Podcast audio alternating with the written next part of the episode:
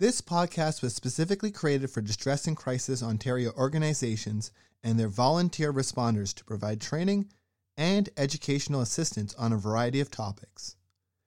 As information evolves and changes, these podcasts are meant to offer ongoing support with the goal of updating them on an ongoing basis. We thank the volunteer responders and the contributors to this podcast. Please visit our website, dcontario.org, for more information and how to access free mental health services. Thank you.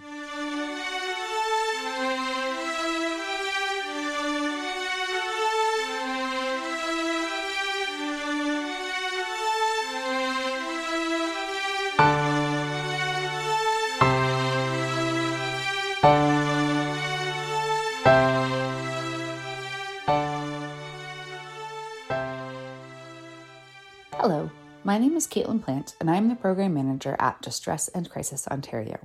Thank you for listening to our podcast. We're glad you're here.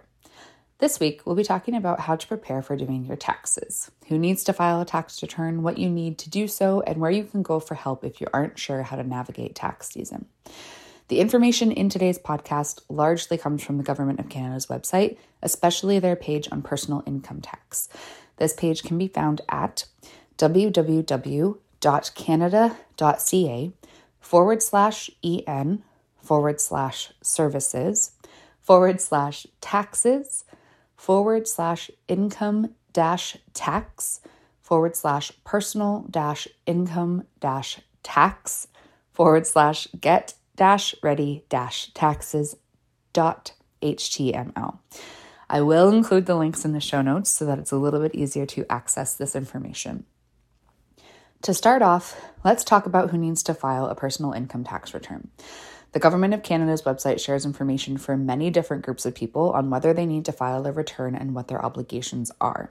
The information they share is grouped as follows Canadian residents, you live and work in Canada, you have to pay taxes and want to receive credits and benefit payments.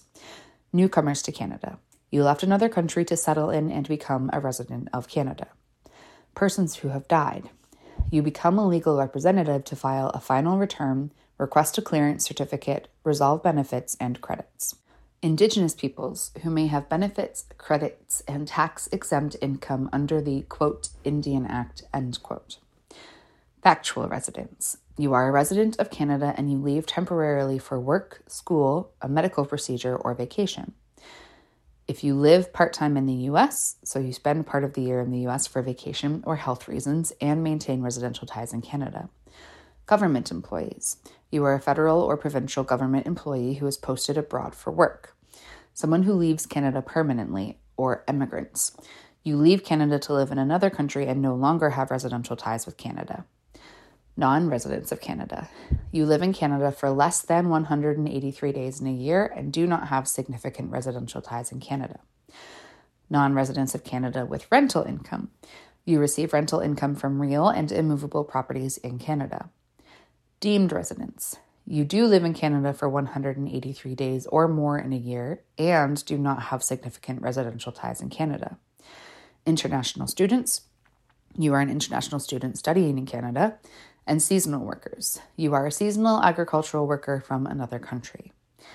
For the purposes of this podcast, we will be focusing on the first group, Canadian residents. But if you belong to any of the other groups, you can find your specific information at another long web page www.canada.ca forward slash en forward slash services forward slash taxes forward slash income dash tax forward slash personal dash income dash tax forward slash who dash should dash file dash tax dot html. And again, I will share these links in the show notes. So, if you are a Canadian resident, the first thing you should know are the key dates for filing your 2022 taxes. February 20th, 2023 is the earliest date you can file your taxes online.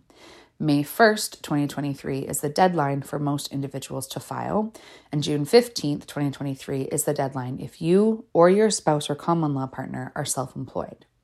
May 1st, 2023 is also the deadline for most individuals to pay any taxes that are owing. There are a few things that are new or have changed for the 2022 tax year. For more information on any of the following, visit the personal income tax website mentioned at the beginning of the episode and click What's New for 2022 Taxes. If you received federal, provincial, or territorial government COVID 19 benefit payments, such as the Canada Recovery Benefit, Canada Recovery Caregiving Benefit, Canada Recovery Sickness Benefit, or Canada Worker Lockdown Benefit, you will receive a T4A slip with instructions on how to report these amounts on your return. These slips are also available on your online Canada Revenue Agency, or CRA, My Account for Individuals. For more information on tax exemption, requests to deduct repayment in a prior year, and more, visit the Government of Canada website. If you were self employed or a member of a partnership in 2022, you may be eligible to claim a refundable tax credit equal to 25% of your total ventilation expenses to improve ventilation or air quality at your place of business. The Critical Mineral Exploration Tax Credit is a new 30% investment tax credit for the exploration of specified minerals. The Critical Mineral Exploration Tax Credit will only apply to expenditures renounced under eligible flow through share agreements entered into after April 7, 2022, and before April 1, 2027. For 2021 and later tax years, an individual diagnosed with type 1 diabetes is deemed to have met the two times and 14 hours per week requirements for life sustaining therapy. The amount used to calculate the first time home buyer's tax credit has increased to $10,000 for a qualifying home purchased after December 31st, 2021. The annual expense limit of the home accessibility tax credit has increased to $20,000. The labor mobility deduction provides eligible tradespeople and apprentices working in the construction industry with a deduction for certain temporary relocation expenses. Eligible individuals may be able to deduct up to $4,000 in eligible expenses per year. Finally, the list of eligible medical expenses has been expanded to include amounts paid to fertility clinics and donor banks in Canada to obtain donor sperm or ova to enable the conception of a child by the individual, the individual spouse or common law partner, or a surrogate mother on behalf of the individual. In addition, certain expenses incurred in Canada for a surrogate or donor are considered medical expenses of the individual. Now, when preparing to complete your taxes, you need to have copies of each of your tax slips. Most slips and receipts should be sent to you before the end of February. However, forms like a T3 or a T5013 may not be received until the end of March. Slips are prepared by your employer, payer, administrator, or financial institution. If your tax slip is late or lost, ask your employer or the issuer of the slip for a copy. If you do not expect to get a tax slip, you have two options. Option one, get your tax slip directly from the CRA. Option two, estimate your income without tax slips. So, what do you need to report as income?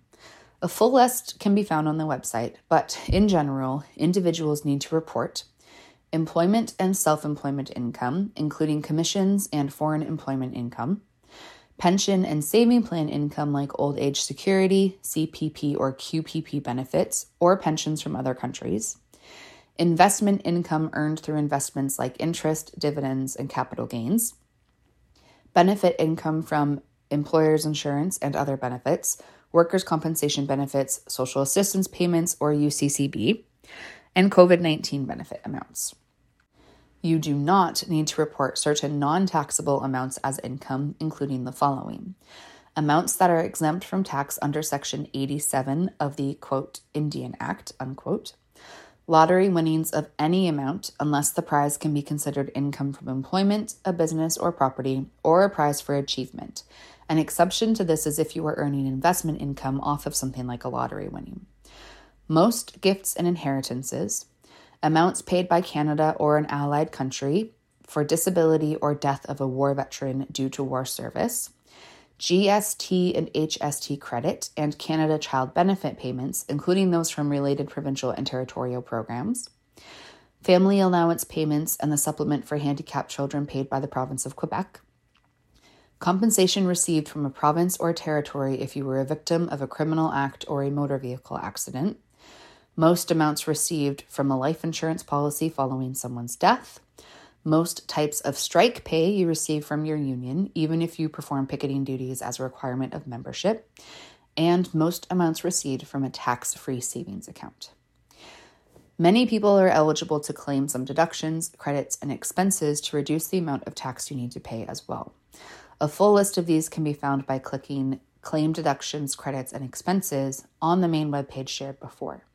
There are deductions related to family, childcare and caregiving, education, disability, pension and savings plans, employment, and some that are specific to which province or territory you live in. If you are self employed or are a small business owner, your taxes may look very different from everything I've shared, so I would highly recommend visiting the Government of Canada's website to learn how so. In general, for anyone filing taxes, you must make sure your information is up to date with the CRA. With an online account, you can change your address, marital status, name, or other personal information and register for direct deposits. Keeping this information up to date ensures you get your payments and refunds faster. Now that you have all of your information gathered, updated, and ready to go, you are ready to file. You can file your taxes online or by paper, or find other options such as having someone else complete them for you. Options include NetFile certified tax software for electric filing, such as TurboTax, through a tax preparer using e-file certified tax software, which is another form of electric filing, such as H&R Block, community volunteer tax clinics, or paper tax returns. Once you have filed, you will either have a balance owing or receive a refund. If you have a balance owing, you can pay what you owe outright, arrange to pay over time, or visit the Government of Canada website to see other options if you cannot pay. You will get a refund if you paid more taxes than needed throughout the year. After you file your tax return, you will get your notice of assessment, find out the status of your refund or balance owing, and can make a change to your tax return if needed. If you need help with filing your taxes, you have a few options. Through the Community Volunteer Income Tax Program, many community organizations host free tax clinics where volunteers file tax returns for people with a modest income and simple tax situation.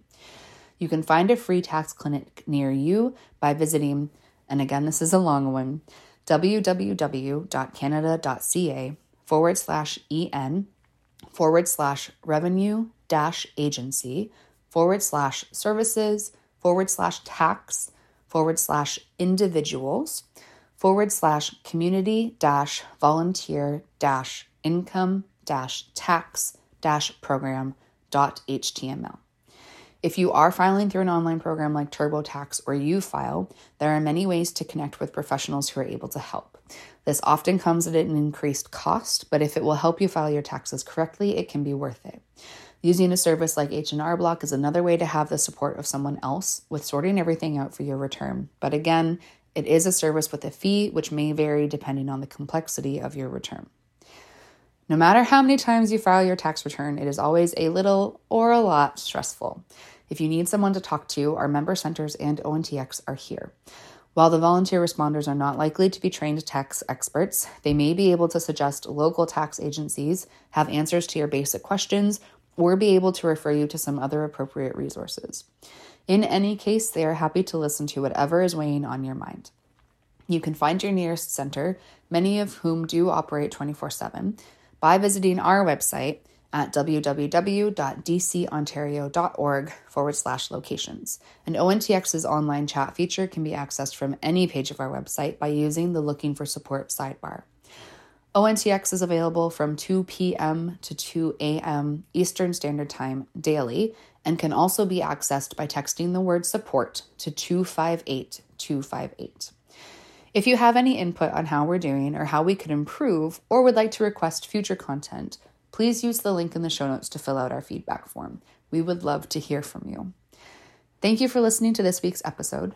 I wish you all the best of luck with your taxes and hope this podcast has helped you feel better prepared and less stressed about the process. Please be gentle with yourselves, remember that you are not alone, and ask for help if you need it. Take care, and I hope you'll join us again next week.